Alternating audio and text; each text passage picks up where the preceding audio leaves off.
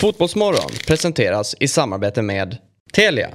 Samla sporten med alla matcher från Uefa Champions League, Allsvenskan, Superettan och SHL i ett paket. ATG. Odds på Premier League, Allsvenskan och all världens fotboll.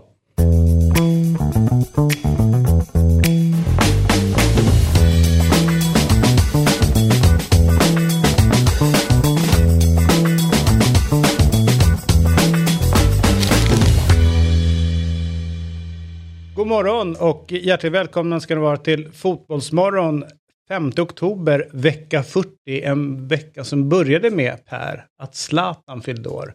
Ja. Är det den, eh, typ den födelsedagen utav en människa som inte är en släkting till dig som du har bäst koll på? Nej, faktiskt inte. Men varje gång när den dyker upp så blir jag glad. Som jag blir mycket gladare än om det är en släkting. Jag värderar den nästan högre än min egen. Så för nu är det verkligen så att varje födelsedag från honom känns ju som liksom ett, ett rekord. På något sätt. För Zlatan eller dig? Eller för, För oss båda, att Ja. vi får vara med. Ja, men precis.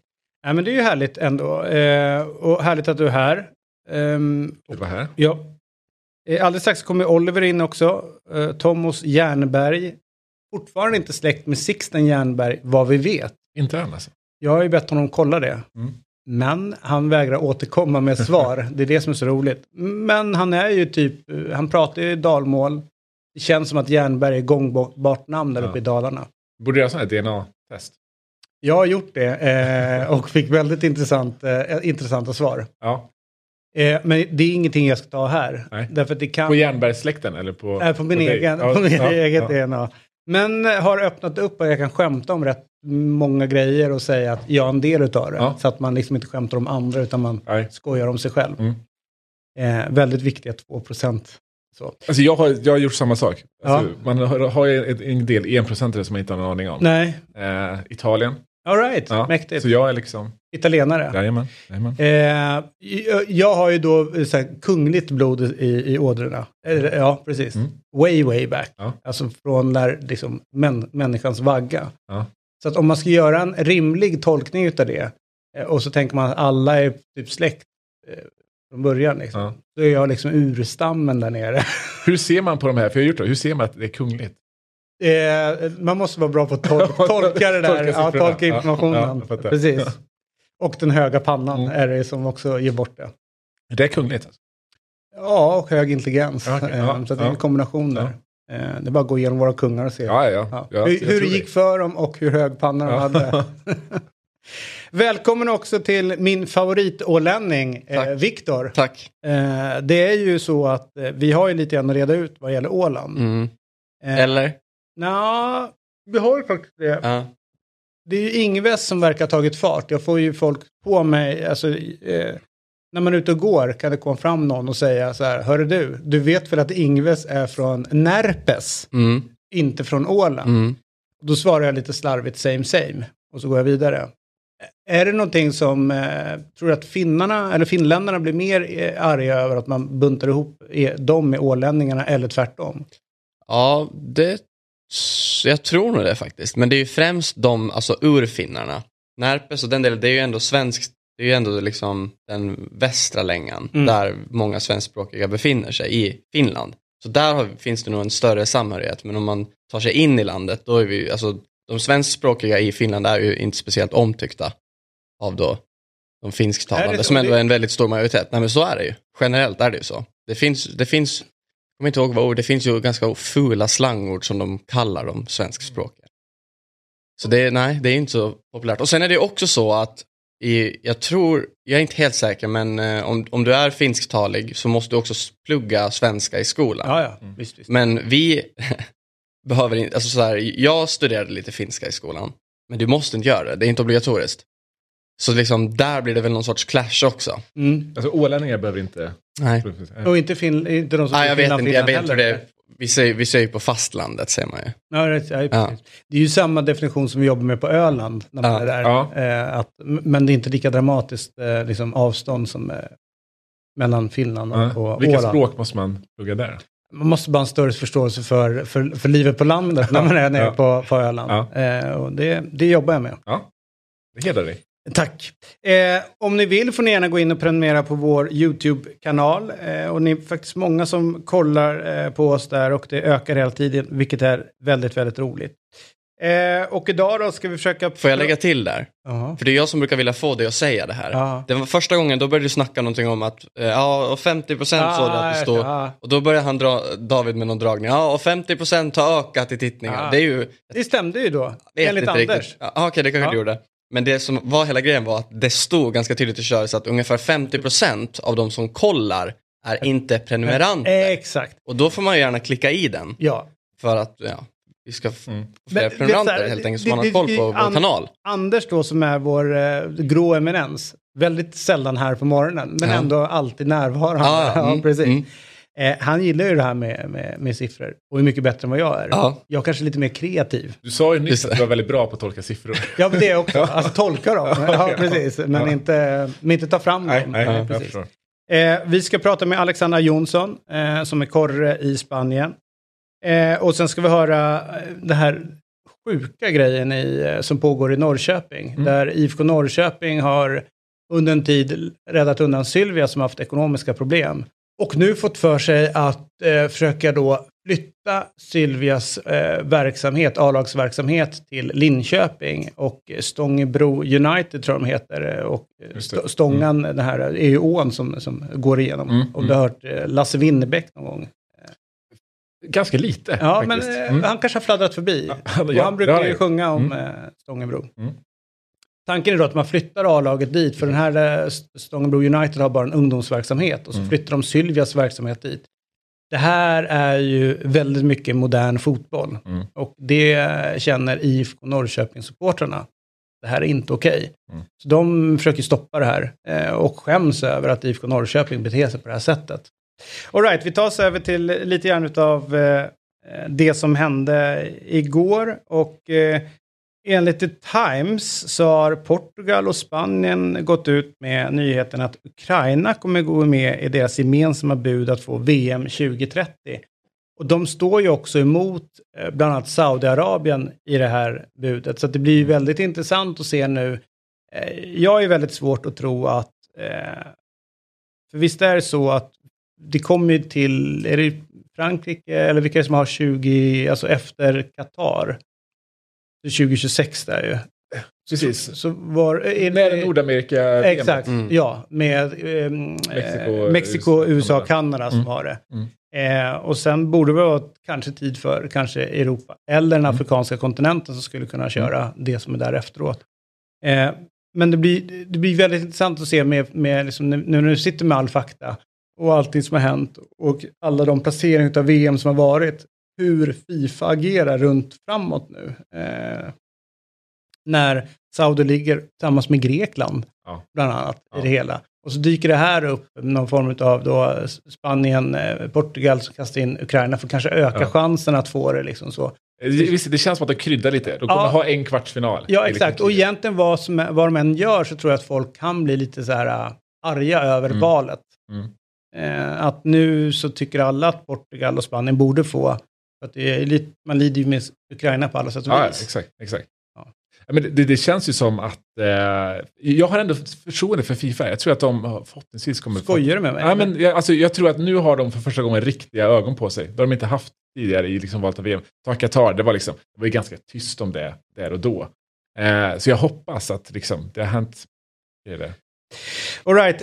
vi, är liksom ändå inne på, på Spanien så tycker jag vi ändå ska ta oss, ta oss an liksom den, den spanska fotbollen ordentligt då och göra det tillsammans med Alexandra Jonsson som är bosatt i Vigo i Spanien. Det är fina grejer. Blåser det inte lite väl mycket likt det gör på Öland just i Vigo? Så farligt skulle jag nog inte säga att det är, utan det är värre om man kommer upp mot eh, A Coruña, utan Vigo ligger liksom som en bukt. Mm. Eh, så man får ändå eh, mycket bättre väder här än vad man får i resten av Galicien. Surfar du? Nej, det gör jag inte, men eh, det, det skulle inte vara helt dåligt om man gjorde det när man bor här. Nej, precis. Jag har ju varit på väg dit för att just ägna mig åt sådana här vattenaktiviteter. Men är ju lite grann av en eh, badkruka, så jag kommer inte hela vägen upp dit. ja, nej, vi ska inte prata om det nu. Eh, hur mår den spanska fotbollen? Ja, det är väl en, en bra fråga som alltid, men jag skulle säga att den, den mår okej, okay. kunde mått bättre, kunde varit sämre. V vad har de för utmaningar som du ser? Om man kollar på, på ligan i sig så är den ganska långt ifrån den nivån den var för några år sedan när, när spansk fotboll totaldominerade. och där har det, inte varit, har det varit ganska tydligt när det kommer till Barcelona, Real Madrid och Atletico att de har, har tappat. Eh, men det som jag tycker är intressant är egentligen resten av ligan. Jag tycker i början av att de här tre tappade så kändes det nästan som att många av de andra lagen var på väg uppåt och hade liksom momentum och någonting på gång och att man kanske kunde få en mer intressant liga. Eh, men nu är vi lite tillbaka, även fast de topp tre kanske inte har blivit betydligt bättre igen så har de andra snarare tappat och det finns inte den här eh, samma nivå som tidigare och det kanske man kan se specifikt i, i Europaspelen där de spanska lagen alltid dominerade Eh, och då inte bara det här topp tre utan även om man kollar på Europa League och så vidare och att där har de det tuffare nu så att det finns eh, en del att se över och, och var, försöka lista ut varför man har tappat mer än kanske att man har har tappat de stora stjärnorna i de eh, stora lagen. Men vad är det liksom i, i resten av ligan som har hänt? Är det en diskussion som pågår just om, eh, för, det är klart att vi har pratat här i Sverige om, eh, om Premier Leagues ställning nu och konstaterar ganska snabbt att det, det rör sig om de, de, liksom, de ekonomiska eh, fördelen de har. Men, men liksom, hur går diskussionen i, i Spanien? Är det att då, då, de måste bli bättre på att utveckla spelare eller är det så att de ser att de måste hitta vägar att få in mer pengar i systemet? Det är väl pengar det handlar om. För om man kollar på utveckla spelare så är det nog få länder som är lika starka som Spanien är på den nivån. Och, och där är man fortfarande väldigt duktig eh, och har många klubbar som eh, håller en väldigt hög nivå. Vad som kanske händer där mer ofta nu än vad det gjorde tidigare, att man tappar spelare tidigare eh, till andra ligor och, och till England och, och, så vidare. Att man kanske inte lyckas behålla dem lika länge. Eh, om man tar en, en klubb som Barcelona till exempel så har ju lite den här anknytningen när man är i La Masia till att spela för Barca lite försvunnit. Eh, det är liksom inte lika viktigt längre för att man kanske också tar in mer spelare eh, på ungdomsnivå utifrån. Sen har du ju andra klubbar som Real Sociedad där du, det är väldigt svårt att, att sno deras spelare på ett annat sätt för att de har en annan anknytning till klubben. Men den är väl mer ovanlig idag än vad det har varit tidigare. Jag tror att det är också ett problem.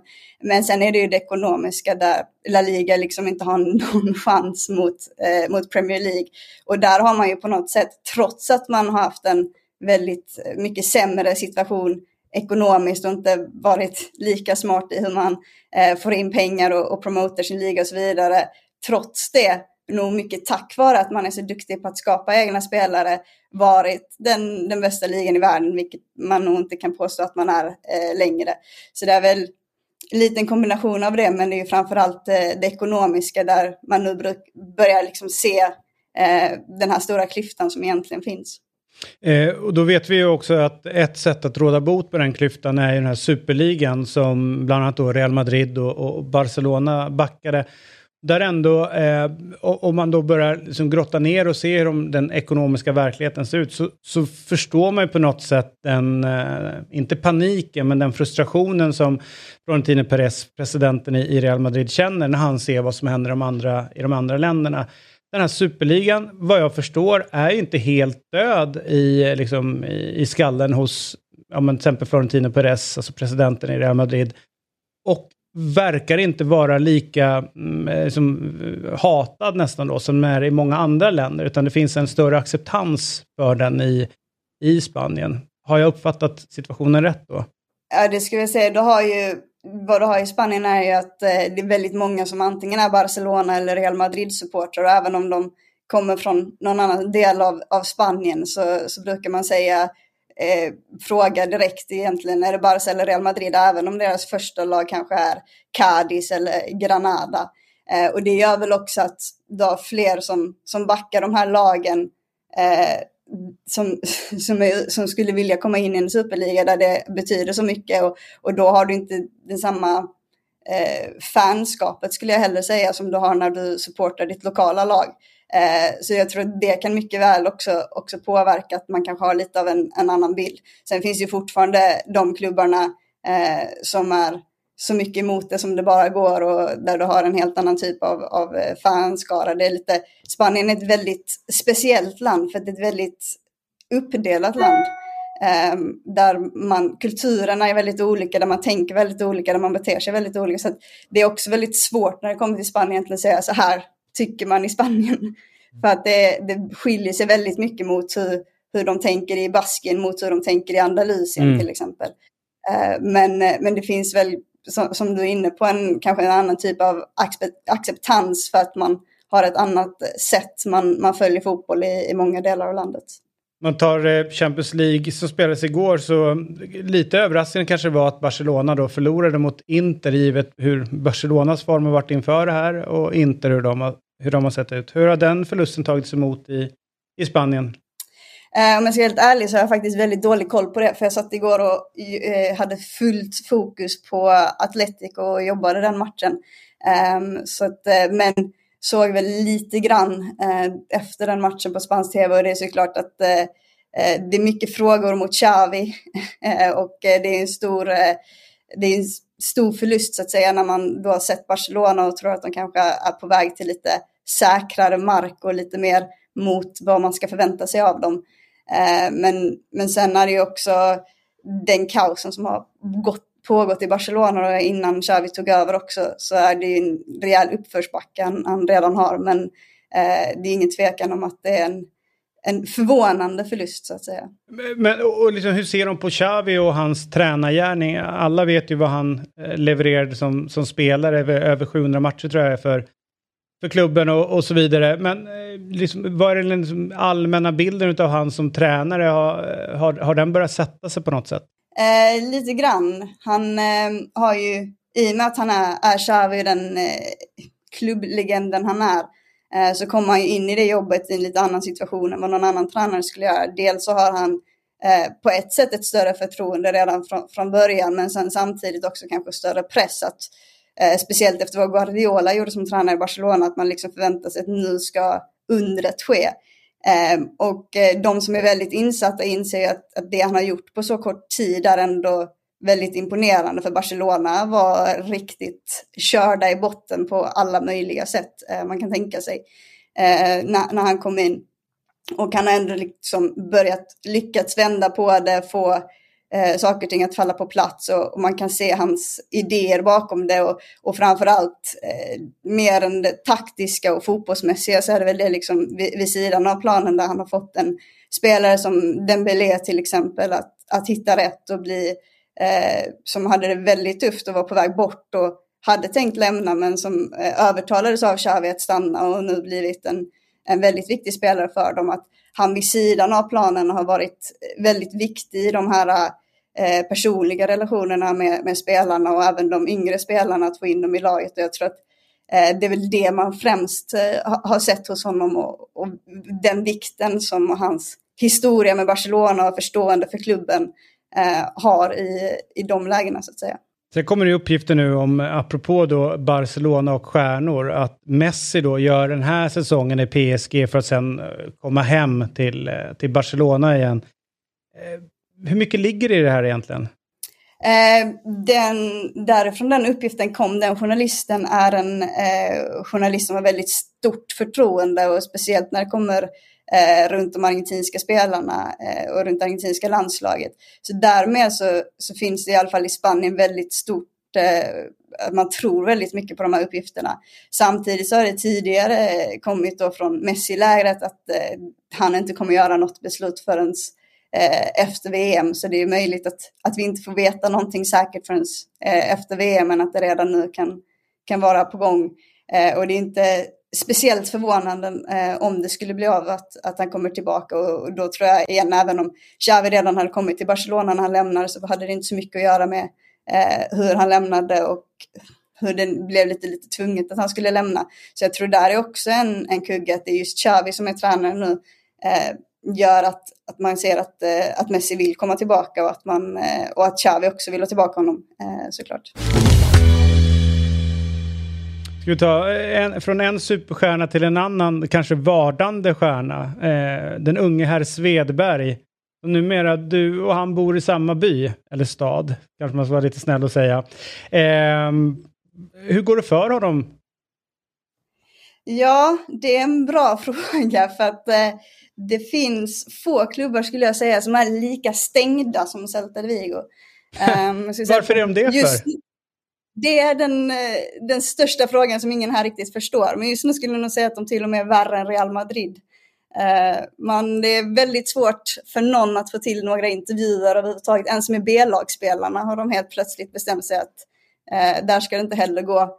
Eh, innan brukar de ha presskonferenser med, med spelare varje vecka. De finns inte längre. Eh, och den, det hade de med B-lagsspelarna men de har de tagit bort nu igen. och eh, tränaren eh, tvingad att göra en presskonferens eh, innan match. Den kör de digitalt. Eh, så man får inte komma, eh, komma till presskonferensen. Mäktig hybris och, ändå de har eh, som klubb, eller hur? Vi kanske är dåliga på planen men vi ska fan, vi, vi ska fan vara en stor klubb med allt vi gör. Vi stänger ner, vi kör liksom Silencio Stampas ah. och grejer. Och, och alla bara, varför gör ni det för? Ingen roll, vi är en stor klubb. Vi är Celta. Det, det är lite så. Eh, alla träningar är stängda.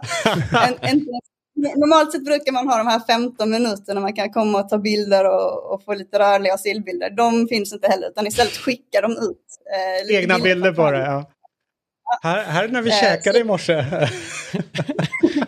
Men vadå, hur, hur tas det emot egentligen då, alltså lokalt? Jag menar, så, så fort det händer någonting kring allsvenska klubbarna här och man jag menar, inte så öppen mot spelarna, det kanske man inte är heller, då blir det ett jäkla hallå ja, ändå. Hur, hur tas det emot där nere? Ja, och det är väl lite problemet i Spanien att eh, de folk vågar, eller journalisterna vågar inte riktigt klaga på det offentligt. De klagar på det internt så att säga. För att eh, klubbarna här har en tendens att, eh, att ta bort eh, de möjligheterna du har att få till en intervju och så vidare. Eh, om man tar Real Madrid är ju värst på det kanske, att eh, har någon skrivit en artikel eh, som kritiserar Florentino Perez eller vad det kan vara, eh, då får du inga intervjuer. Jag tror Marca hade, jag vet inte om det fortfarande är så för Marca, men jag vet att för några år sedan i alla fall kan vara möjligt att det fortfarande är så att Marca som är liksom den största tidningen eh, när det kommer till bevaka Real Madrid, där de får inga intervjuer överhuvudtaget med Real Madrid-spelare på flera år för att eh, de har väl läckt saker eller skrivit någonting eller varit på något sätt. eh, och det var ISBN förra säsongen, trots att de hade eh, rättigheterna till La Liga och eh, då liksom ska få spelare i flash efter matcherna. De fick inga Real Madrid-spelare för att det var någon på argentinska ISBN som hade vloggat någonting om att eh, eh om Franco och Real Madrid. Eh, då tog Real Madrid bort all access, eller de fick bara göra borta, borta lagets spelare i sina flashintervjuer. Så att det, det är mycket sånt i, i Spanien och tar man just Celta de Vigo så har man ju hela eh, fadäsen med, med Santinina som eh, blev, eh, åkte fast eh, för sexuellt ofredande från en situation, jag tror det var 2017 eller något. Eh, eh, men eh, de hade eh, vad heter det, rättegången eh, förra säsongen.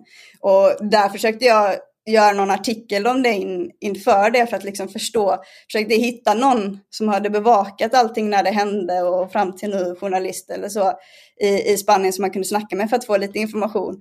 Eh, och då spelade han Valencia. Jag kollade med journalisterna i Valencia. Det var ingen som, som hade skrivit om det, ingen som ville ta i det. Eh, alla artiklar man kunde hitta var liksom nyhetsbyråer, inga journalisters namn på. Eh, kollade med eh, journalisten i Real Almeria där det hände det fanns ingen, kollade med lokaljournalister här som jag känner i Vigo, det var ingen som ville prata om det, ingen som ville baka det. Och det handlar just om att liksom, börjar man sig gå in i sådana kontroversiella grejer eller klaga eller så här så tar klubbarna väldigt lätt ifrån dig eh, de access du vill ha.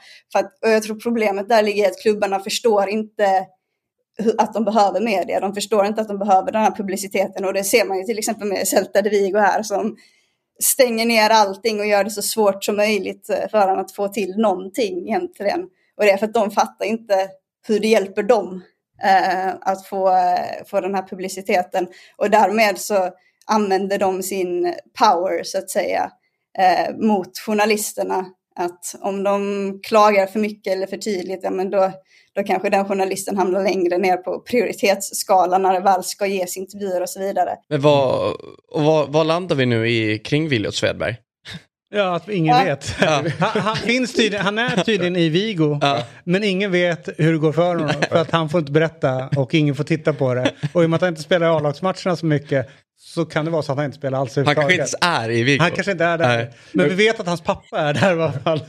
Nu känner jag att Spanien är liksom en minst lika kontroversiell VM-kandidat som Sau- Saudiarabien. Ja, de har blivit det. Ja. Ja. de har stängt ner allt. Ja, Precis. Men hur är det med Willyt? Är han, han är inte ens registrerad för att få spela med B-laget va? Eller hur är det? Men det var väl någon miss de Nej. hade gjort va? Ja, så det är ju lite ett problem. Så det vi egentligen vet om hans situation är liksom Kudett eh, gjorde, pratade om det för någon vecka sedan där han sa att så grejen är liksom att det inte är han som har värvat Viljot utan det är sportchefen. Eh, och här har vi en annan problem i just Celta att de har eh, de jobbar lite för sig själva inom klubben. De jobbar liksom inte tillsammans. De har inget, och detta har varit för några, i några år nu, att de har ingen så här tydlig bild av vad de vill skapa eller projekt. Så man ser ofta på deras värvningar att det är väldigt mycket, det finns ingen idé bakom värvningen. Det kan vara väldigt intressanta värvningar som för några år sedan när de värvade Rafinha, de värvade Denis Suarez, ehm, Nolito kom tillbaka. Det var liksom väldigt många stora namn och intressanta spelare. Men sen om man kollade på spelarmaterialet så var det, men det finns ingen bredd här utan alla de här spelarna är exakt samma typ av spelare som spelar nästan på samma position. Det är liksom inget tänk utan det är snarare vilken spelare är mest eh, eller exciting för, för fansen att vi tar in istället för vilken spelare är det som passar bäst i vad vi vill skapa. Och där har de ingen bra dialog oftast eh, med tränarna. Man har sett i Celta att de har bytt väldigt många tränare från eh, de senare åren. Codetti är faktiskt den som har klarat sig längst. Eh, och det har just varit för att tränarna har börjat klaga på att eh, de inte får in de spelarna de själva vill ha. Och här har vi sett, eh, verkar det då som att det är klubben som har valt att ta in Viljot utan, och Codetti har egentligen bara gått med på det, sägs det, för att han redan pratade spanska. Och där, vad, vad nu, nu sa senast var att eh, anledningen till att Viljot inte har fått spela är för att han anser inte att han har nivån Eh, för tillfället för att spela i La Liga. Han säger inte att han inte kommer få några spelminuter, men han hade önskat att han var registrerad med B-laget så han kunde spela där istället. Så att det är ingen tydlig, tydligt om att han kommer få speltid eh, inom den kortaste tiden och då har det börjat diskuteras här i alla fall om man kanske ska låna ut honom, men det, det är någonting Celta säger att de inte ska göra. Sen får vi se eh, om det stämmer eller inte, men eh, där är ju situationen att han spelar inga matcher så han kan inte spela med B-laget. Eh, och det han gör i träning kan vi inte se, så det är väldigt svårt att Va, va, vad sa man när, när, han, eh, när han kom? För jag menar, man har ju såklart all respekt för att han är 18. Det, man kanske inte ska ha för den här liksom förväntan på att han ska spela alldeles för mycket. Men han kom med, jag menar 5 miljoner euro, det är, inte, det är inte lite pengar för Celta Vigo heller. Det är en ganska stor värvning för dem. Vad sades det när han kom egentligen? Nej men exakt, det är, väldigt, eh, det är väldigt mycket pengar för Celta Vigo att, att lägga ut och då handlar det mycket om att det här är en spelare för framtiden, eh, vilket också visas med det långa kontraktet. Och i Vigo var ju folk väldigt, eh, tyckte det var väldigt spännande värvning just för att man lägger så mycket pengar på en så ung spelare. Eh, så där fanns det nog lite mer förväntningar att han, han skulle få spela. Men sen samtidigt så var det också väldigt mycket kritiska röster just på grund av att det är Codet som är tränare.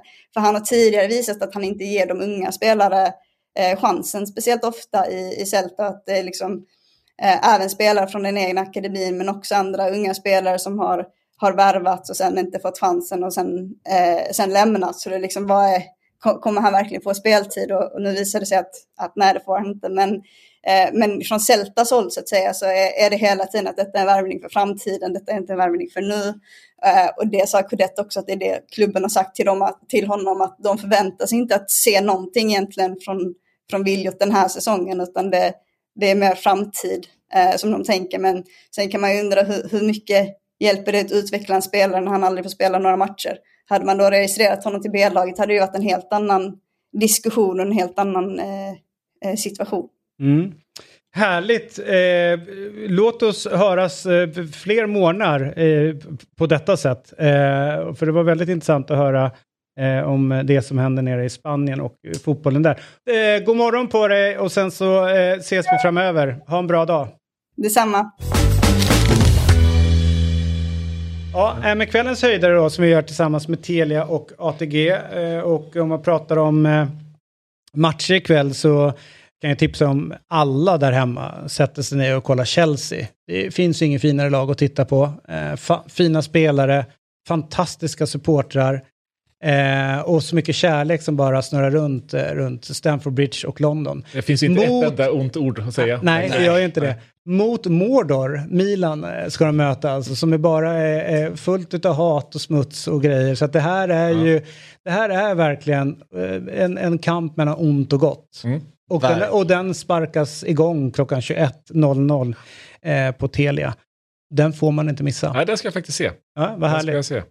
Eh, sen har vi City, eh, eh, Köpenhamn, bara för att se hur många mål Håland gör. För det är, här måste man ju liksom vila honom. Var, ja, vila, varför, men varför ska han vilas? Han kommer vila under hela fotbolls-VM.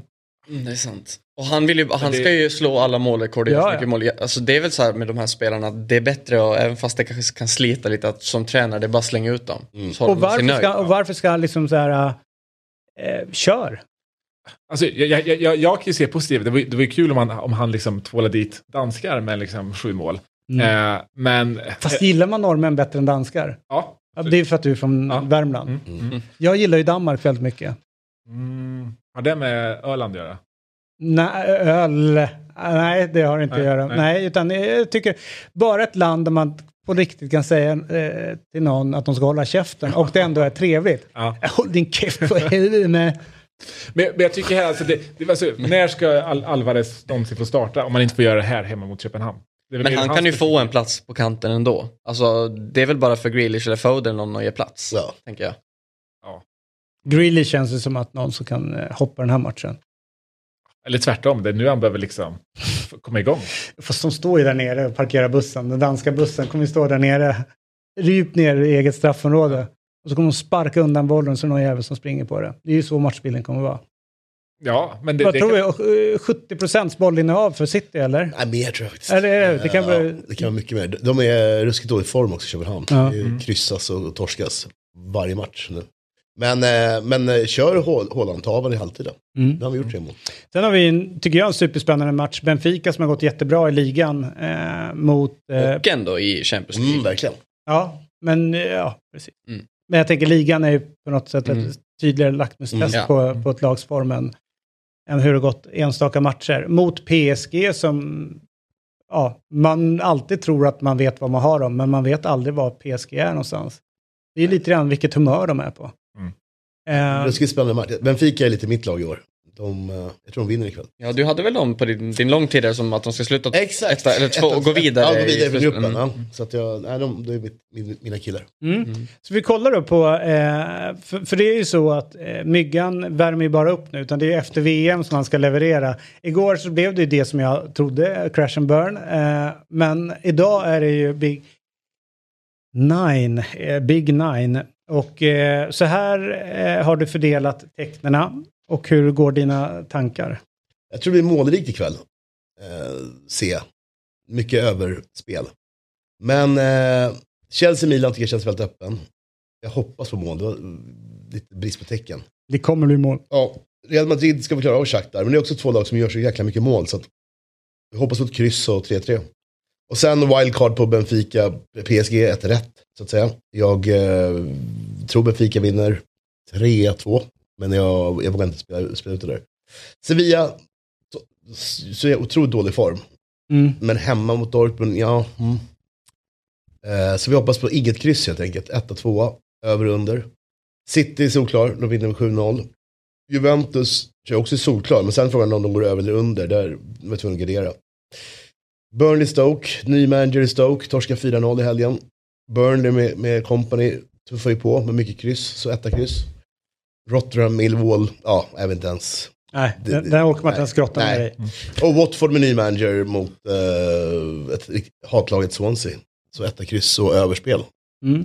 Watford. Men Watford går väl ganska bra, eller Nej, eller? Nej de bytte manager nu i helgen. Han, eh, vann, mm. ja, då, ja, vann, de vann ja. stort, ja exakt. Men de har haft 12 managers nu, permanenta managers sen, vad är det, fjol, säsongen 15, någonting sånt. Mm. Den som har suttit längst har suttit typ 60 matcher. Det är bra. Det är ju MFF-stylers. Ja. Ja, Och nu är det Slaven Bilic va? Ja, exakt. Men det är, så jag tänker, Sevilla där, det är ju verkligen liksom eh, vinna eller försvinna. För Ja, precis. Eh, Så det känns som att antingen så är spelarna där Ja. och liksom backar upp någon, då blir det vinst. Eller så är det liksom... Och då, ja, då är det över. Ja. Jag hoppas krysset kan ta, tas bort. Ja. Ja. Det är chansen med en gubbe där. Mm. Dortmund torskade väl i helgen också, så det Torskade är ändå helgen. två ganska formsvaga Ledde lag. och får man torskade. Dortmund också. Mm. Vilket gör mig ännu mer nervös. Mm. Men, eh, Det är två opolitliga lag. ja, ruskigt oblikt. Till skillnad från dig och mig. som Ja, men så exakt, exakt. Sjukt stabila och pålitliga människor. Eh, så här är det. Du har ju då slängt in 2304 rader. Eh, och eh, det här tänker vi att man kan tjacka andelar till. Ja, Och de kostar 120 kronor styck. Eh, och eh, vill man vara med då så går man in på dob.one big 9 och klickar på Fotbollsmorgon eh, CL eller skannar in en QR-kod. Exakt, kolla, den är här vid Per i bild. Där. Ja, vid min, Ja. min hand här. Ja. Så, så är det. Mm. Ja, det här är ju kinesiska för mig. Ja. De brukar kalla mig för boomer utan någon konstig anledning på jobbet. Ja. Vad är det du brukar störa dig på? du Att jag, pen, att jag har penna och papper? Stör du Mm, på? Ja. Och att jag skickar... Eh, Men vi har ju också börjat uppmärksamma ganska mycket saker som sker i programmen. Så vi håller på att bygga upp en bank. Igår var det ju, du blir yr av tv-spel och Ja. det var det ena och det andra. Och det känns som att det har snappats upp också ganska, i, i den breda massan, så det är ganska kul. Ja, och det är inte riktigt, eh, Robin har ju kört en del Nile City-referenser som det känns som att du inte varit helt med på. Och sådär. Så, Nile City är ju för fan min grej. Okej. Säg ett Det datum. är ju våra... Våran? Vad- Nile City, vi är väl den generationen som... jag, Ja. alltså jag är markant yngre än dig till att börja med. Vad säger du? Jag är rätt mycket yngre än dig. Så att vi, Äh, måste, vänta, lugn. vi måste börja där. Det är väldigt konstigt när vi är lika gamla. Det är så roligt att två personer som är födda i ett land man inte vet om vi är födda sitter och beefar om vem som Men är yngst och äldst. När, jag, när du var i gymnasiet gick jag ju fortfarande typ i mellanstadiet. Nej. Jo, det är ändå, det är helt sjukt. det är ändå otroligt. Låt oss släppa det. Fast det, finns lika fall, ja, det finns i alla fall, det finns i alla fall andelar att köpa. det. Ja, häng på vinnartåget. Jag tror Ja. det är ikväll som andra. Ja, Ska, jag ska rygga det här, jag riggade igår. Ja, Ja. gjorde du det? Ja, ja, det gjorde inte jag. Nej, det gör jag. Däremot så ryggade jag eh, Hoffman i måndags. Ja, Satte på riktigt till. Ja. 10 kronor och fick ut 58. Ja det var riktigt snygg den, Mm. tippen. Eh, Jag hade ett hörnproblem igår. Ja. Eh, Det var mycket ursäkt igår, men hörnorna var ju otroliga alltså. ja, men där vände väl eh, 4-1 i hörn i halvtid. Ja. Så till nästa gång jag kollar så står det liksom 4-10. ja, 4-10. Det var- Ja, kan... All right. Ut, utöver myggans system, om man då är osäker på myggans form, som inte jag tycker man ska vara, utan den är, Nej, den är on point. Big Nine-formen Ja, är exakt, den är som den ska vara. Så finns det andra spel och då är det Sabri, han är ju i samma form som Myggan ungefär. Eh, Kalle, bra form. Han gick bra i helgen. Ja. Eller han satt, jag tror han satte åtta ner. Det de föll på var, Oj. eh, de spelade överspel i Barca, Exakt. Mallorca nej, ja, Ja, de, eller de spelade 0-1. borta mot Mallorca, det, det blev bara 1-0. Så Ka- Kalle är ju stark. Sen finns ju Axel där. Eh, han eh, vet Han är här emellan. Ja, han Så, är ja. Axel Axel. Mm. Alltid så här, ja men tre plus. Mm. Och sen Fabian Jalkebo, det behöver ni inte backa alls. det är bara han som kommer sitta med den. Eh, för han är katastrof på att betta. Så är Så det. de har ju också lagt sina system. Och ska sägas att de kommer ju köra en Watch along ikväll. Eh, de ramar in CL-kvällen eh, och det är start 19.30 och då är det Axel som sitter där med hela sitt gäng. Så ni kan ju liksom följa dels det förfallet, hur de tippar. Det är det jag tänker då att då ska man ju rygga myggans system och vara med och sitta i chatten. För jag tror de brukar använda, prata ganska mycket med chatten och så interagera med Ja, den. är snygg alltså. Och då kan man sitta där och bara pumpa att man är på team myggan. Ja, exakt. Team Myggan är viktigt. Ja, Vi kul. Fotbollsmorgon är Team Myggan. Ja, exakt. Så enkelt är det. Och du måste vara över 18 år för att spela och om du upplever att du har problem med spelandet så finns stödlinjen.se till hands. Så här är det. Den 100 år gamla Norrköpingsklubben IF Sylvia eh, har, eh, som idag eh, snurrar runt i division 1 norra, eh, har eh, under några, sedan några år tillbaka varit samarbetsklubb till IFK Norrköping. Och i förrgår så rapporterade Norrköpings tidningar att Peking vill flytta Sylvia till Linköping. Vi pratade om det. Eh, och låta den tio år gamla klubben Stångebro United ta över verksamheten. Eh, och det är då en förening som inte har något eh, seniorlag. Och enligt tidningen har flera möten hållits mellan klubbarna och olika intressenter. Och om flytten blir aktuell så skulle Stångebro United ta över Sylvias plats i division 1. Till Fotbollskanalen säger IFK Norrköpings klubbdirektör Mikael Sturehed att uppgifterna är felaktiga. Eh, men eh, Nyheten har ju då eh, fått kritik såklart eh, från många, i synnerhet från de engagerade supporterna i, i Peking Fans, som vi ska prata med alldeles strax med Sebastian Bengtsson om det hela. Men det intressanta är att representant från Stångebro United däremot säger i ett sms till redaktionen att ingenting är klart eller beslutat men det finns en dialog om att utveckla samarbete mellan Stångebro United och IFK Norrköping. Säger de alltså till redaktionen då på, på, fotboll, eller på Fotbollsmorgon. Det intressanta med det här, det är ju att det är någon som ljuger. Eh, om, om, om, man börjar med det. Eh, och, eh, och om det nu är så att eh, den här flytten är på gång så är det som vi konstaterade tidigare att den, det, det, känns liksom lite shady.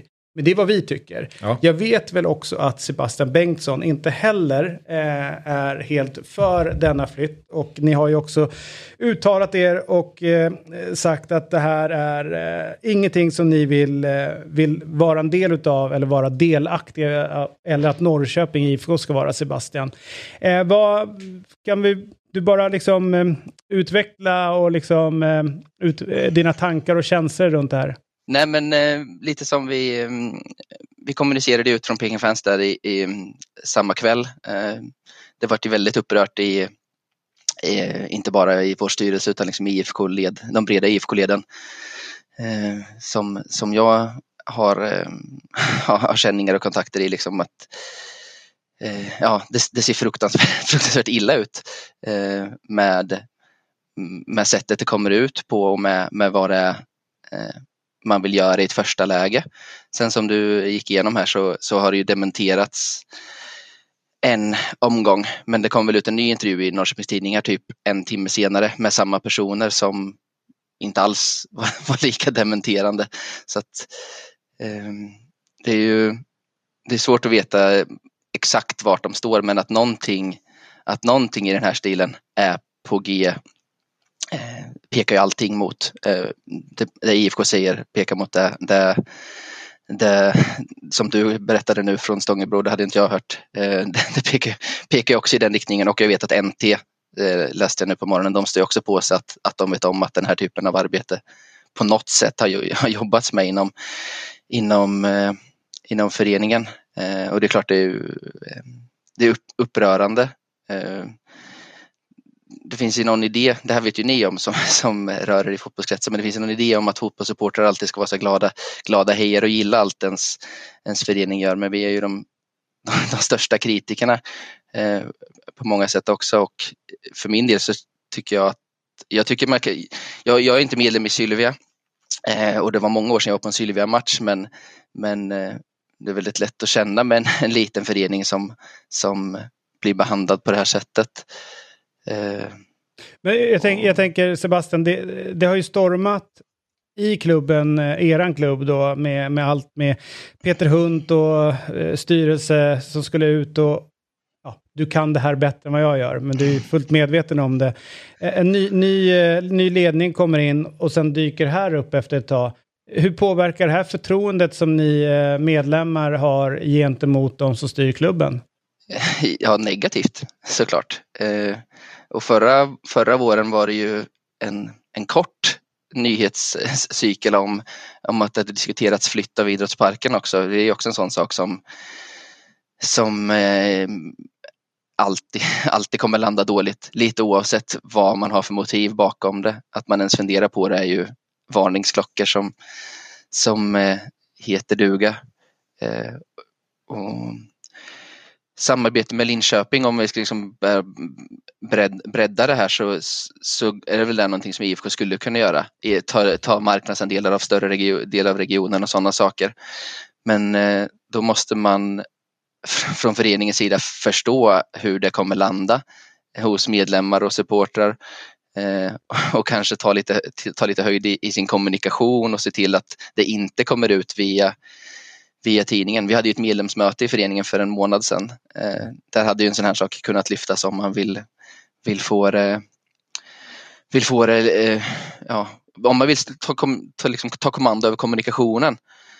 Eh, nu får, tvingas de vara reaktiva eh, och i min mening är de, gör man inte särskilt bra heller eftersom att det kommer ut blånekanden efter att man först har avböjt att kommentera och sen så kommer det ut uppgifter som inte alls rimmar med blånekanden heller. Men om vi, om vi backar bandet lite grann då till eh, när det var ju rätt många som drev på att Peter Hund skulle bort, det skulle till förändringar i klubben eh, och eh, det blev så. Eh, och nu, nu är de nya inne. Du, du nämner eventuellt att de har fått fingrar på att flytta på parken. Den här delen dyker upp nu.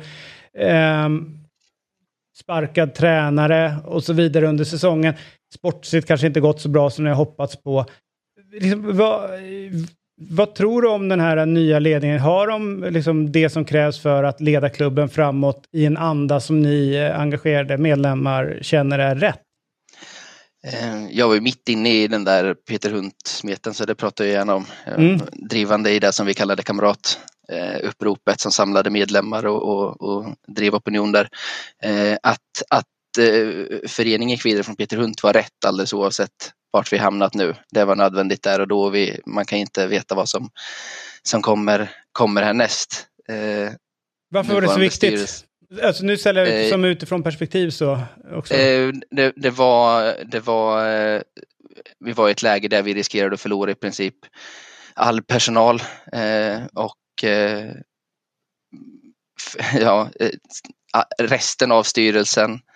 Eh, det var, det var arbetsmiljöproblem. Ja, det, var, det, var, det, var en, det var en lång, lång vinter eh, och eh, det, alla hade förhoppningar att det skulle bli bättre än vad det blivit nu. Men, men eh, det handlar ju om att liksom behålla många människor i föreningen eller behålla en människa. Och det tycker inte jag är så, ett, ett så komplicerat eh, val.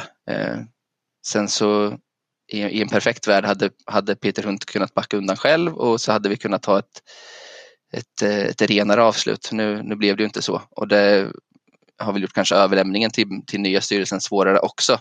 Inte för att försvara dem allt för mycket det som blivit dåligt där men, men de hade kunnat få bättre, bättre förutsättningar de med. Eh, om vi pratar om det nya så, så, så har vi eh, från vår sida jättebra samarbete med, med den, den personen som sitter i styrelsen som är kontakt mot medlemmar och supportrar. Det funkar superbra, det är en helt ny nivå eh, inom, inom föreningen. Men, men som sagt, det görs ju grejer som inte inte känns helt, eh, helt hundra heller.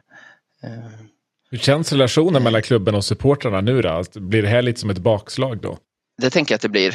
Eh, sen så, så ska vi inte måla fan på väggen. På, på många sätt har vi bättre relation med IFK än vi haft liksom, någonsin eh, med, med väldigt många människor inom föreningen som eh, som eh, verkligen har puls på, på vad föreningen betyder för människor och, och supportrarnas roll i, i allt det här. Så att väldigt mycket funkar väldigt bra också.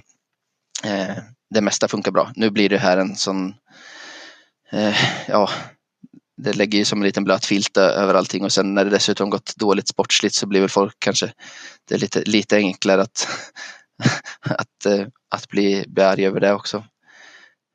Men om, Men, om du sätter eh, in i klubbens eh, situation här nu, vad, vad, tror du man vill få ut av att flytta eh, Sylvia till, till Linköping? Vad, vad tror du vad är, liksom, vad är fördelarna som de ser det?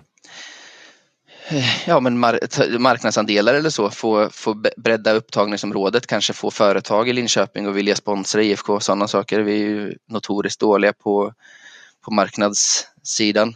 Eh, och, och som sagt, det här tror jag att man kan få, för, få förankrat i, hos medlemmar och supportrar utan att, att det blir några jätte, jätteramaskrin, men då behöver det göras på ett så, bra sätt. Så att egentligen och flytta en förening.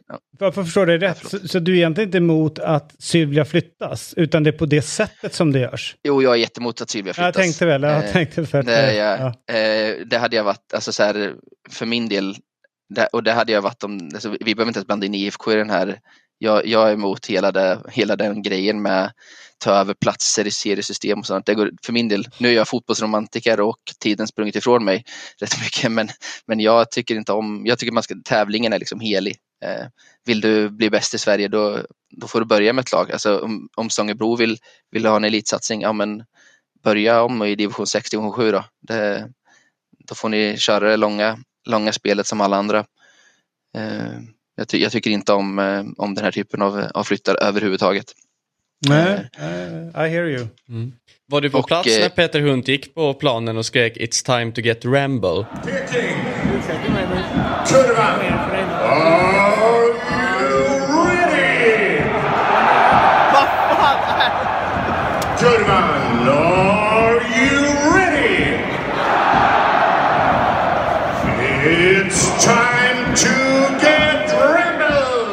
Självklart. Det var ju en otrolig stund.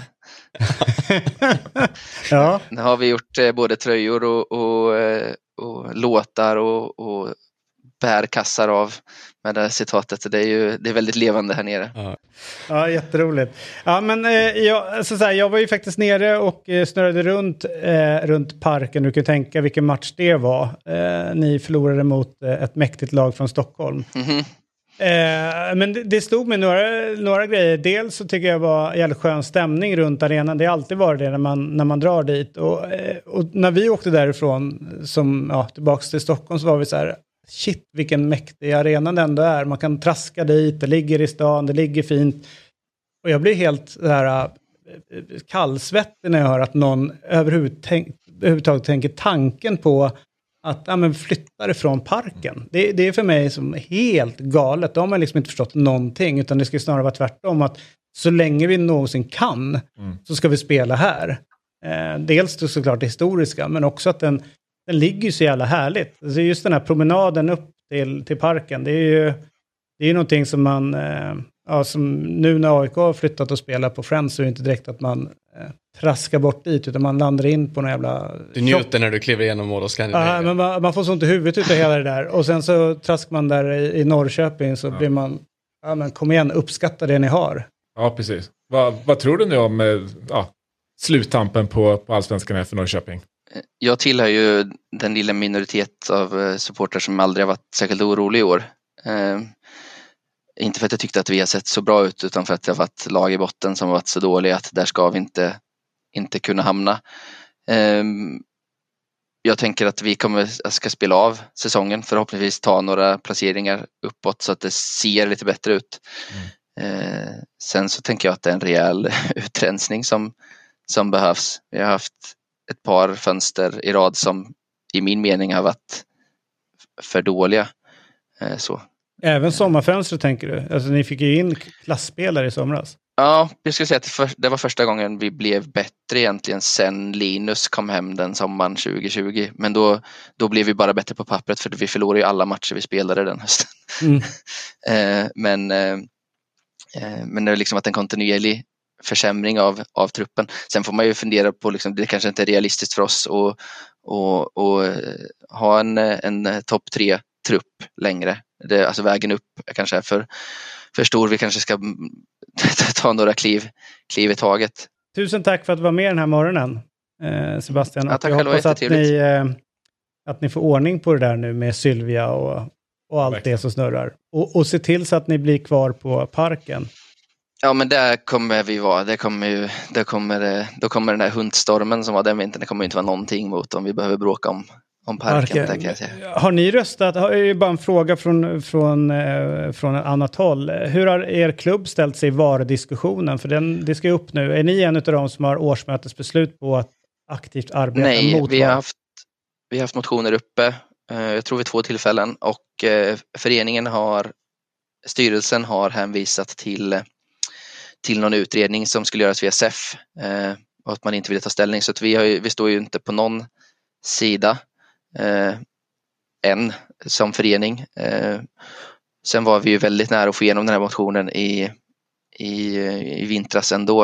Eh, blev vi väldigt glada av att se eh, spelarna eh, från både herr och dam som, som, som stöttade och de, bruk, de, i regel röstar de ju inte på årsmöten, de sitter ju med. Men eh, i den här frågan eh, brydde de sig om eh, utan, någon, utan någon press eller liksom någon, det var inte någon, någon som hade haft ett samtal med dem utan de, de klev in själva och det, det var ju väldigt uppmuntrande måste jag säga. Så är det. Tusen tack Sebastian eh, och ha en bra dag. Se höstens bästa matcher med Telia Sportpaket. Du får allt från Champions League, Allsvenskan, Superettan och SHL på ett och samma ställe. Telia Sportpaket ger dig all sport från Telia och Simor, inklusive allsvenskan och superettan från Discovery+. Förutom alla sporter, turneringar, ligor och matcher ser du också alla filmer och serier. Du kan även lägga till HBO Max utan extra kostnad. Och det bästa av allt, det kostar just nu bara 499 kronor per månad. Och du kan givetvis streama innehållet i apparna eller kolla på det genom Telias Superbox med 4K, wifi, Google Android TV. Så, höstens bästa matcher, bara 499 kronor i månaden. Älskar du sport? Skaffa sportpaketet på telia.se sport. Där ser du Champions League, Allsvenskan, Superettan och SHL på ett ställe. Tack till Telia som är med och sponsrar Fotbollsmorgon. Från eh, Sebastian så har det blivit dags att välkomna in Oliver. Eh, Tack. kan vara släkt med Sixten Jernberg, eh, men vi ska göra sån här, eh, vad heter det, My Heritage alldeles strax Ja. på honom. Live. Live, ja, i Så det är det studion. jag ska göra idag. Gapa nu för fan din jävel. eh, och nu är det dags för division 6-fotbollen. Eh, och eh, Att summera Ja. den. ja, för att den säsongen är, den går ju i mål väldigt tidigt. Tråkigt nog. Eh, Det borde vara fler matcher i division 6 och division 7. Mm. Ja, tycker jag. Bara pågå och sådär. Ja, verkligen. Eh, ja, nej men precis. Det har ju blivit dags eh, att ehm, summera den här säsongen som vi har hoppat på och följt några lag. Vi har ju sammanställt en, en serie av eh, de bästa förlorarna i Mm. Sverige eh, i division 6. Eh, som, eh, Som man också kan säga i DN. Ja, exakt, jag precis komma till det. Ja. DN och Sydsvenskan tyckte det var, verkar tycka att det är en bra, bra nyhet. Så Mm. de gjorde ett litet reportage om just Venestad som vi har uppmärksammat eh, väldigt ofta här. En fråga till mig, eh, till dig, Ja. från mig, är ju då, nu när du vet att DN eh, ändå liksom på något sätt är och fingrar på din tabell, blir du lite så nervös att du skulle få tabellen fel med tanke på att det är fi- det. fina DN och de kan ju inte ha fel i tidningen. Nej, precis. Eller på sajten. Det är därför jag sitter och skakar lite grann nu. du märker det. Ja, men det är klart det är så. Det Ja. är klart det är så. Men de har ju, följde ju Venestad, de har ju toppat vår tabell genom hela säsongen. De har ju varit väldigt bra på att förlora, Mm. man ändå säga. Eh, och man kan ju prata om att kanske Venestad har fått lite för mycket uppmärksamhet till slut, till och med. Så därför är det ju väldigt skönt att eh, kunna konstatera att vi fick, till slut fick ett väldigt episkt avgörande i, i vår serie här. Eh, för nu när samtliga matcher är spelade så eh, fick vi till slut en annan vinnare. Ja. Det Fem- är fem alltså år. Järpås IS som går om Venestad och vinner Sveriges bästa förlorare. Järpås, de har alltså... Eh, Med minsta möjliga Ja, marginal. vi, vi ska gå igenom det här. Det här är ju, det här är ju smått otroligt va? För att Järpås har noll vinster. De har noll oavgjorda. De har 20 förluster. De har gjort 10 mål och släppt in 206, vilket gör att de hamnar på en målskillnad av minus 196. Venestad, de har noll vinster, noll oavgjorda- oavgjorda, 22 förluster, 5 gjorda mål, 100, eller 201 insläppta, vilket gör att de hamnar på exakt samma målskillnad. Så vi har att göra med två lag som alltså slutar på noll poäng och minus 196 i målskillnad. Men, då är det ju så här att Venestad har ju liksom, de är ju de mesta förlorarna. De har ju förlorat 22 matcher. Men Järpås är ju egentligen bäst på att förlora för de har ju ett sämre snitt per match. exakt. Och det vi vill vara, eh, liksom komma fram till är ju, egentligen, det är ju de bästa förlorarna. Järpås är ju per match bäst på att förlora. Kul detalj, Järpås från Lisch. Eh, som, och då blir Otto glad som sitter här och, och proddar. Han är också därifrån. Och kopplingen därifrån. Otto gjorde ju succé i lägdivisionerna igår David. Ja, mål-Otto kallas han Ja, för precis. nu. Eh, Otto spelade en match igår mot ett lag som jag inte vet vad de heter. Eh, men då, framsteg heter de ju. Eh, och eh, Ottos lag vann med 17-1. Eh, och Otto gjorde två mål. Så att nu Mål nummer runt- 16 och 17. Ja, nej, det var faktiskt inte det, men det var helt obetydliga mål högre upp. Så att han går runt nu och kallar sig själv för Mål-Otto, eh, vilket är eh, ja, väldigt underhållande. Ja. Men när man summerar säsonger, då, då hör det ju till att man kommer med lite utmärkelser, inte bara konstatera vilka som vinner. Så vi har tagit fram lite priser till, till eh, ja, men, vissa som har utmärkt sig i år. Vi börjar väl med skytteligan helt enkelt, där vi har kollat igenom samtliga lag i vår tabell, eh, vilka som har gjort flest mål. Eh, och då har vi tre personer som eh, landar på fem kassar. Det är Elias Bolin från BK Spark, det är Osman Sheikh Mohammad från Blomstermåla, men sen är det då en kille Otroligt. som har, det måste vara svensk seriesystems bästa namn. Skoj, eh, du, du har inte hittat på det där? Nej, nej, nej. Han spelar i BK Spark och han heter Ned Månriddare. Det är så bra så det finns inte. ja. Ja, vi måste alltså bara stanna till där. Jag vet inte, vi, jag vet inte vi kan gå vidare från det där. Det är så bra.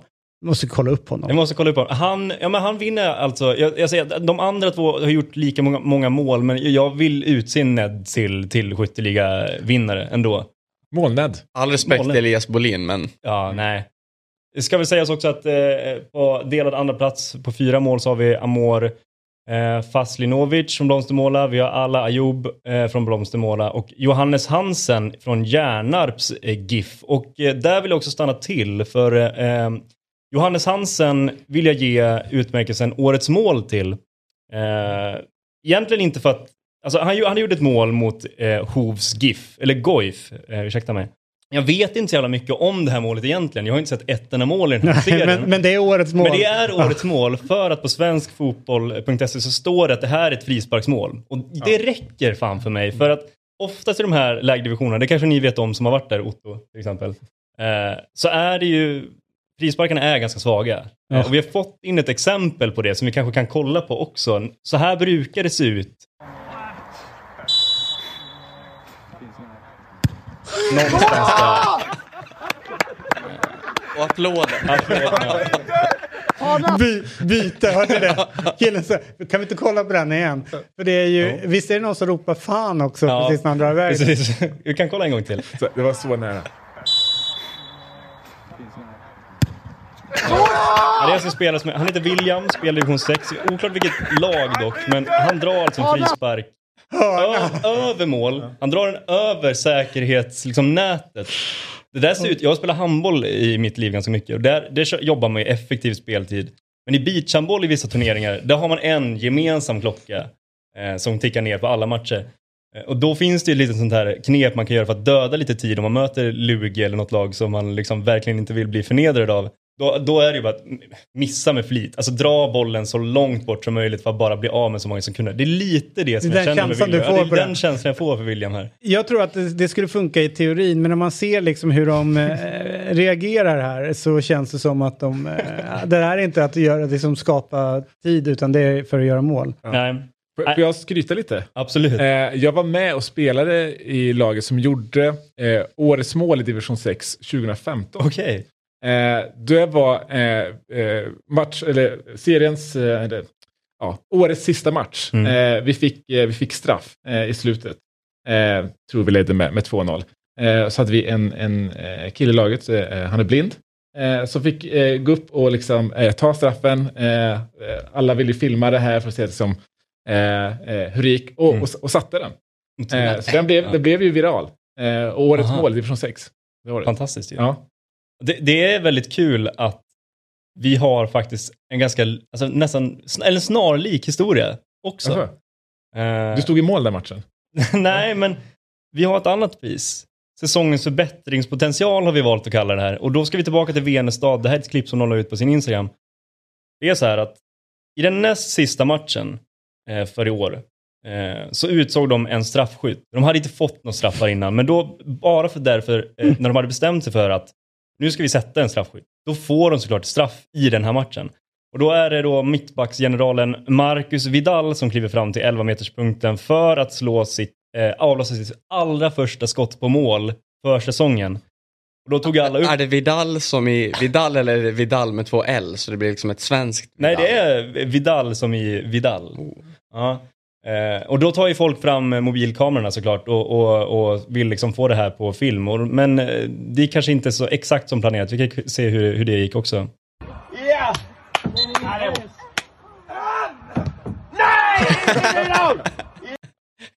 Nejet efteråt. Nej! Det är ju kul att man får en chans att sätta sitt första skott på mål för Ja. säsongen. Ja. Kanske är mål. Ja, alltså gör det bara. Gör det bara. Men han drar den alltså över ribban. Så det är förbättringspotential helt enkelt där på Marcus Vidal. Hoppas på förbättring nästa säsong. Ehm, ja, men... ehm, mm. Jo, eh, Degerhamn eh, är ju från Öland och jag brukar hänga där nere Ja. eh, och eh, har ju noterat lite grann att de eh, kallar sig själva för Degis. Eh, lite sådär. Eh, och såklart så vill jag åka ner och kolla på matcher, liksom, om det hade varit någon match heller, men det de spelade inte, Ja. tyvärr. Så jag, jag kunde inte se. Men jag gick ju såklart in på alla deras plattformar och försökte följa laget. Alltså vad, vad händer? 18 juni hittade jag en, liksom, någon form av matchrapport. eh, och då skriver de, eh, och det är jättefint, liksom, arenan och, och du vet så. Idag följer vi med flaggan i topp.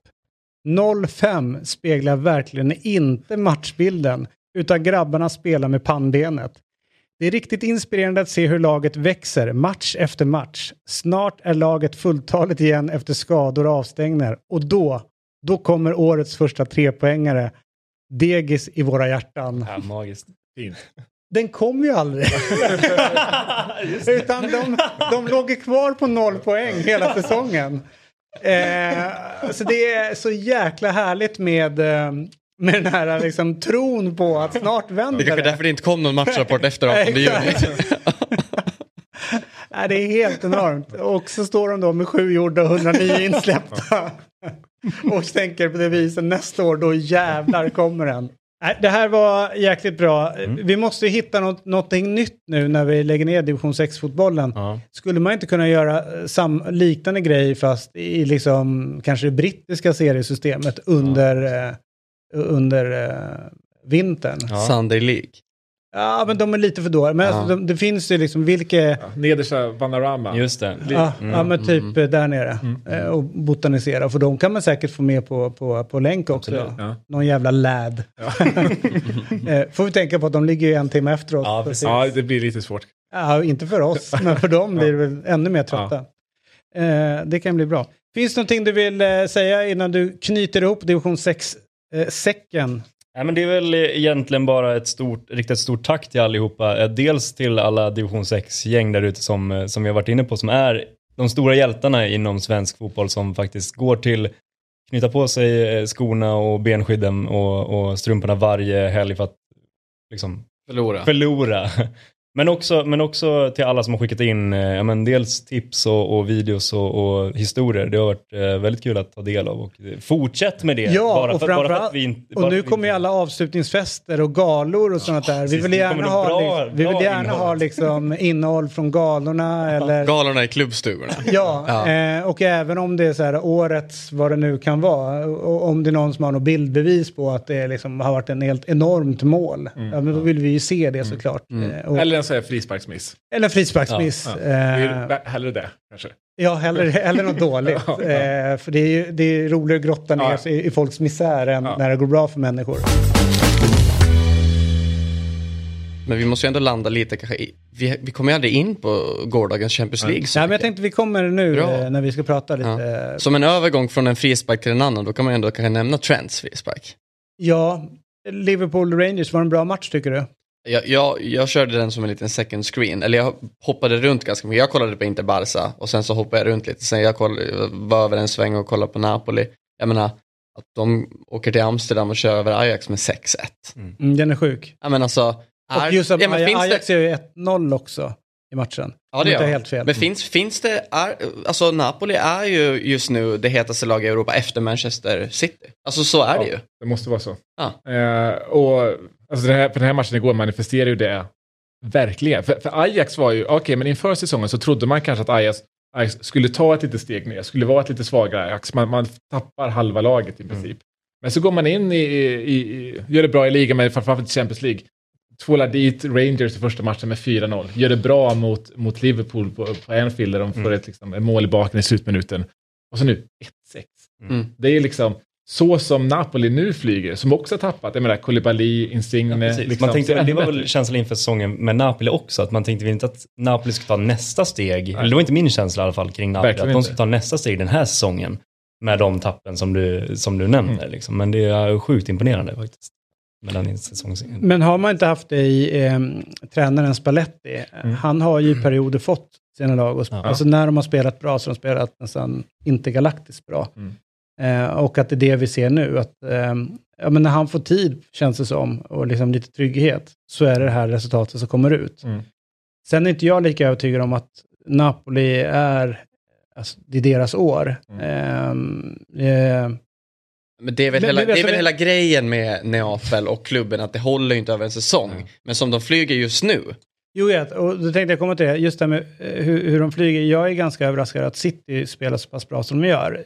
Det här lands, alltså VM-uppehållet, det, det känns som att prata före och efter. Mm. Och det är klart att eh, för några veckor sedan så var det Bayern München vi var så här, wow, shit, vad håller de på med? Det här ser ju hur bra ut som helst. Och så har de fallit tillbaka lite grann nu. Så att, men jag håller med de ser ruskigt fina ut, Napoli, men eh, man undrar ju också de här klubbarna som ja, men City normalt sett, lite lugnare september, oktober och sen så börjar de varva upp för att det känns som att de stora lagen går ju bara för att toppa februari Mm. framåt för Champions League-spelet och se till så man ligger tillräckligt nära toppen för att inte... Med undantaget för Att antagligen i år då, eftersom att många spelare ska eller arbetar sig för att få en plats i en VM-trupp. Det måste ju ändå på något sätt ha en påverkan. Alltså, de som jobbar för en plats i truppen utav de etablerade, det tror jag är på marginalen. Alltså som är på gränsen att ta sig in i ett, i ett VM-lag. Utan det är väl snarare att de, de mindre nationernas som eh, ytterkantsspelare Mm. på något sätt kämpar för att ta den platsen. Sen, sen tänker jag att för en del lag så är det ju mindre belastning och påfrestning under VM än det har varit under en... Eh, om ligan bara hade Ja. snurrat. Mm. Nu är det ju... Eh, ja, det är ju inte att det är tre matcher i veckan för dem som det är normalt. Så jag vet inte hur mycket VM kommer slita förutom att det blir fler matcher. Mm. Men jag ser inte att VM som så just nu kommer påverka, men det är väl i så fall slutet på säsongen om den blir väldigt lång. Men är den tesen verkligen så att VM kommer slita så mycket egentligen? Många lag, eller majoriteten av lagen kommer ju spela ett gruppspel och sen är det ju slut. Mm. Precis. Och sen så, jag menar jämför du, tar du engelska ligan, jag menar där i december spelar du ju tre matcher i veckan. Mm. I princip. Nu under VM, det kommer vara två matcher. Så att för många där som går långt är det kanske lite ja, men, lugn- lugnare, lugnare schema. Men ja, det är väl uppbrottet i sig. Jag menar, Mm. det är ju verkligen uppdelad, uppdelad säsong före efter. Det ger ju också möjligheter för... Det ska, det ska ju verkligen bli ännu spännande, mer spännande den här säsongen. För ta liksom ett, ja, men, Nottingham till exempel, köper in 25 spelare.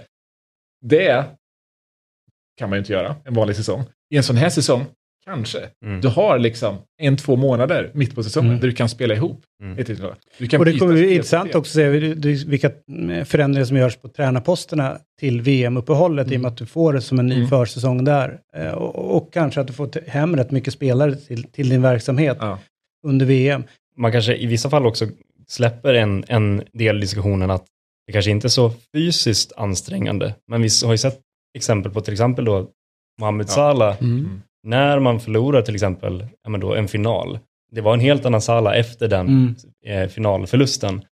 Och, ja, men, eller till exempel eh, nu i, i EM när de pratar om hur kommer straffmissen från Saka påverka hans säsong. Sådana där frågor måste man också ha med i Mm. beaktning. Att hur, hur lätt är det att växla över till, okej nu är det ligaspel eller nu är det ligacupen eller FA-cupen eller Copa eller vad det nu är. Men jag har för, en, för ett tag sedan åkt ur mitt kanske sista VM i karriären. Det där är ju också någonting som ska Det där är jag hanteras. liksom superrädd för ur ett Tottenham-perspektiv. Mm. Säga, vad har vi? Finalen är 2021. Eh, första omgången i Premier League är Boxing Day. Mm. Ja, vad händer med liksom, ja men Kane, Mm. missar straff i finalen, kommer inte vinna ett VM-guld. Mm. Fyra dagar senare ska han stå Alltså, match. Liksom. det är lugnt, England De kommer inte kommer att vinna, vinna i år, så det är inga konstigheter. Hoppas inte det, hoppas inte det. Jag tror England jag, ryker jag blir tidigt. Mer, nej, nej, aldrig i livet. Jag blir mer stressad över att, eh, för både våra lag är Mm. liksom, som vi håller på, är ju beroende av väldigt duktiga, några engelsmän. Ja.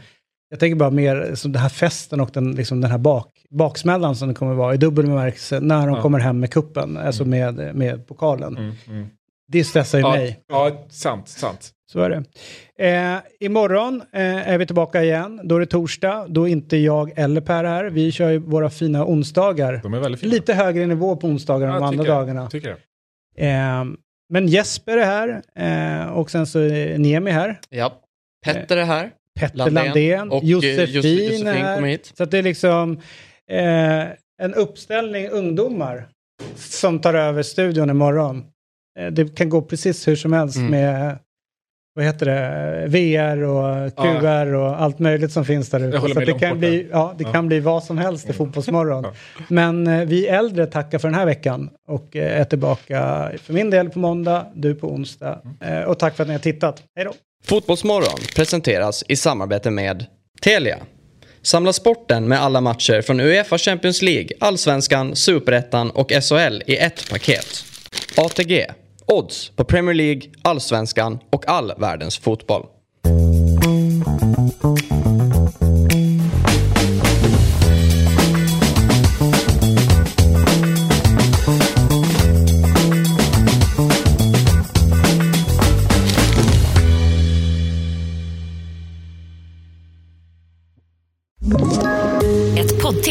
Podplay.